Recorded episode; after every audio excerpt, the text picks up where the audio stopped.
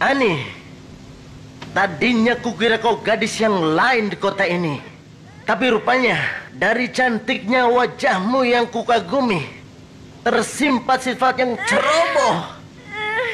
Kau lupa bawa uang kontan, Ani. Tidak, Oma. Bagaimana kita bisa membayar grabnya, Ani?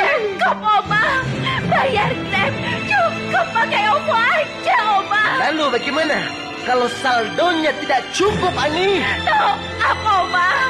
Cukup lewat ATM, transfer bank, Alfamart, atau ke abang grabnya langsung, Oma. Maafkan aku, Ani. Aku hilang. Tapi dia itu siapa, Ani? Dia itu abang grabnya, Oma.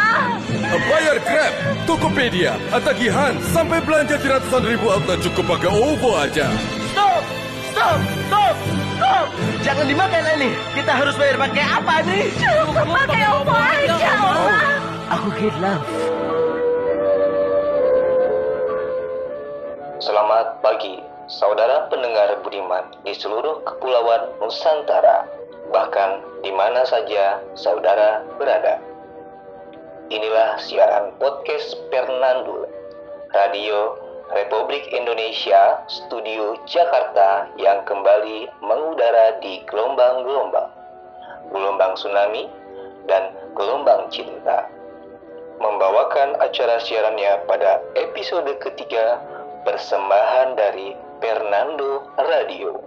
Dengan judul dan tema Fenomena Iklan TV ala-ala zaman dahulu. Bersama saya Tugu Awe yang akan menemani saudara pendengar Fernando yang budiman. Selamat mengikuti siaran kami, selamat mendengar dan tetap merdeka.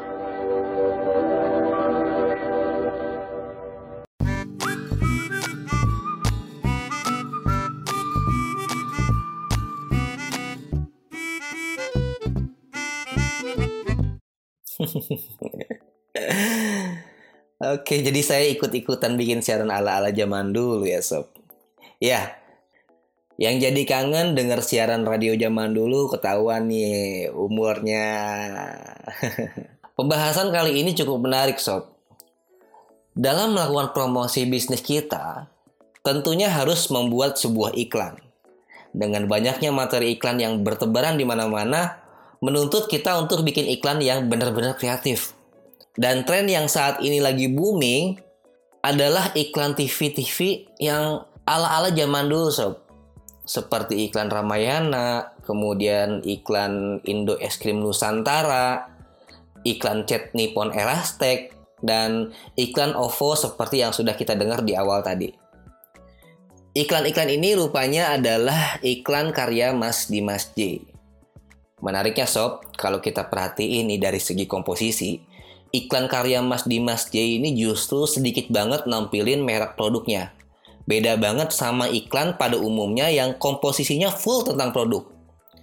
Tapi meski begitu, faktanya iklan karya Mas J ini berhasil banget. Salah satu iklan buatannya adalah iklan Ramayana yang, udah kemarin tuh viral banget. Masih inget nggak? Kalinya alam berbagai kuda Sampai lupa janda muda. Oh hati jadi iya eh. Ingat ya iklan itu ya. Jadi iklan Ramaya ini sob Di Youtube-nya aja udah ditonton 16 juta saat ini. Dan iklan ini viral dengan banyaknya parodi yang dilakukan oleh youtuber dan dibuat meme oleh banyak netizen. Tentunya dari segi bisnis ini sangat menguntungkan kan. Jadi dapat iklan gratis gitu. Dan itu udah kayak snowball effect yang makin membesar makin membesar luar biasa. Bahkan Mas Dimas J ini mengatakan pada tahun iklan tersebut tayang, penjualan Ramayana meningkat drastis. Sampai-sampai Satpam Ramayana kewalahan dan harus bikin antrian panjang untuk pelanggan yang ingin masuk ke toko Ramaya ini sob. Cadas nggak tuh? Kira-kira Fernando semua tertarik nggak bikin iklan ala-ala jadul yang lucu seperti itu? Ya kalau hasilnya bombastis begitu ya tentu mau dong. Tapi tunggu dulu. Iklan karya Mas Jai ini yang terkesan asal-asalan dan norak itu sebetulnya nggak dibuat asal-asalan sob. Fernando semua nggak bisa ngikutin plek ketuplek cara iklan itu tanpa memahami rahasianya. Dan kita akan mempelajari apa sebetulnya rahasia yang dilakukan oleh Mas Dimas J dalam iklan-iklan tersebut. Saya sudah mempelajari hasil karya iklan Mas J, bukan hanya yang bertema jadul, tapi juga iklan ngehe lainnya buatan doi. Bukan hanya itu saja, saya juga rajin membaca artikel dan menonton interview atau seminar doi tentang rahasia membuat konten iklan. Ada beberapa faktor yang doi beberkan, tapi menurut kesoktahuan saya, ada satu benang merah yang Mas di Mas J sangat konsens di situ. Yakni mengelola kesan pertama. Dalam rumus beriklan, yang paling dikenal adalah rumus AIDA. A yang pertama itu adalah attention. Iklan yang mengundang attention paling tinggi adalah iklan yang paling bagus. Alias iklannya harus jago mencuri kesan pertama jika kesan pertama begitu menggoda, selanjutnya terserah Anda. Jadi ketika bikin iklan sob, bukan tentang lucu atau enggak, kreatif atau enggak, norak, jadul atau ngehe, outset atau insert the box, bukan. Bukan itu intinya. Itu hanya metode saja. Yang paling inti adalah bagaimana iklan Fernando mampu mencuri kesan pertama. Dan itu berlaku nggak hanya untuk iklan, tapi branding dan tampilan produk-produk yang Fernando miliki semuanya. Masalahnya, dalam mengelola kesan pertama, zaman dulu audiens kita masih gampang terkesan, sob. Di era sekarang, yang rata-rata audiens kita adalah kaum milenial, nggak gampang mencuri perhatian mereka. Menurut Silver Pop, dalam sebuah penelitiannya, dikatakan saat ini kita harus mampu mendapatkan perhatian audiens melalui kesan pertama promosi kita dengan waktu hanya 4 detik saja. Dan ini membuktikan bahwa ada perubahan cara orang memberikan perhatian kepada sesuatu yang baik itu dari segi durasi maupun metode penyampaian iklan. Jadi sob, meski iklan ala-ala jadul ini lagi naik daun, kalau udah terlalu banyak iklan begitu, orang udah nggak akan tertarik lagi. Contohnya, teknik clickbait yang dulu sempat efektif, sekarang udah dianggap biasa, malah dianggap sampah. Maka itu, seperti yang saya tangkap sebelumnya bahwa intinya adalah mengelola kesan pertama. Gitu sob. Untuk membuat iklan yang attentionnya tinggi, yang perlu Fernando lakukan di era milenial sekarang adalah sebagai berikut. Pertama, sederhanakan iklan dengan satu saja pesan utama. Dalam iklan tentunya banyak pesan yang disampaikan, mulai dari merek, keunggulan produk, komposisi produk, dan lain-lain. Nah, zaman sekarang kurang efektif sob. Sebaiknya pilih satu saja pesan utama yang ingin disampaikan ke audiens, tapi satu pesan itu ngejelek dan nyampe, terdeliver, diterima oleh audiens kita.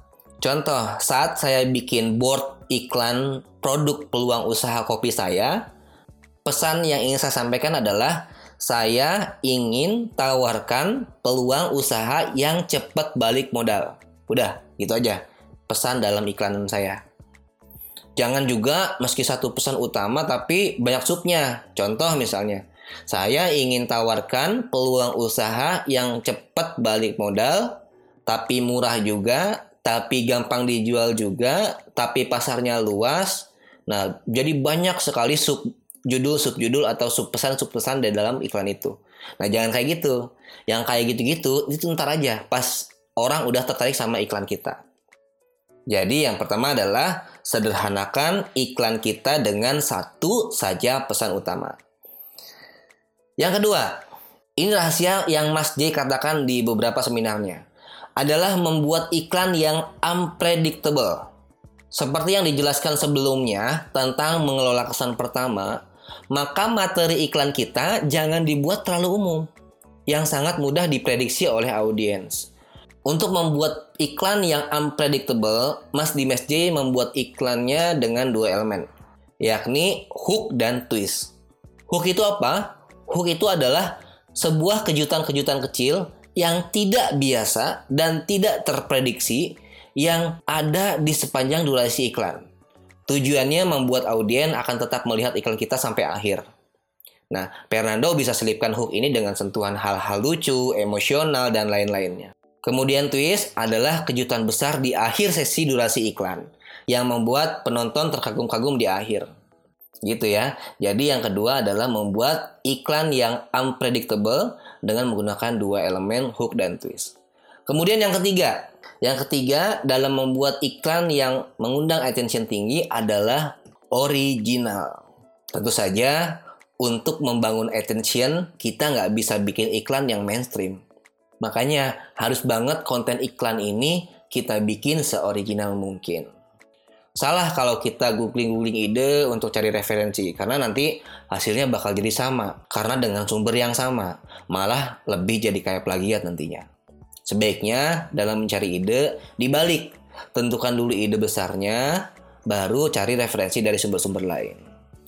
Oke sob, kebayang ya? Jadi ada tiga membuat iklan yang mengundang attention tinggi. Yang pertama adalah sederhanakan iklan dengan satu pesan saja. Yang kedua adalah membuat iklan yang unpredictable. Dan yang ketiga adalah original. Mudah-mudahan podcast kali ini bermanfaat. Terima kasih buat uh, Fernando yang sudah sampai di episode ketiga ini masih mendengarkan uh, podcast saya. Apabila Fernando yang baru bergabung dan suka dengan podcast saya, silakan berlangganan dan ikuti podcast saya. Terima kasih banyak. Saya Teguh Awe. Sampai jumpa.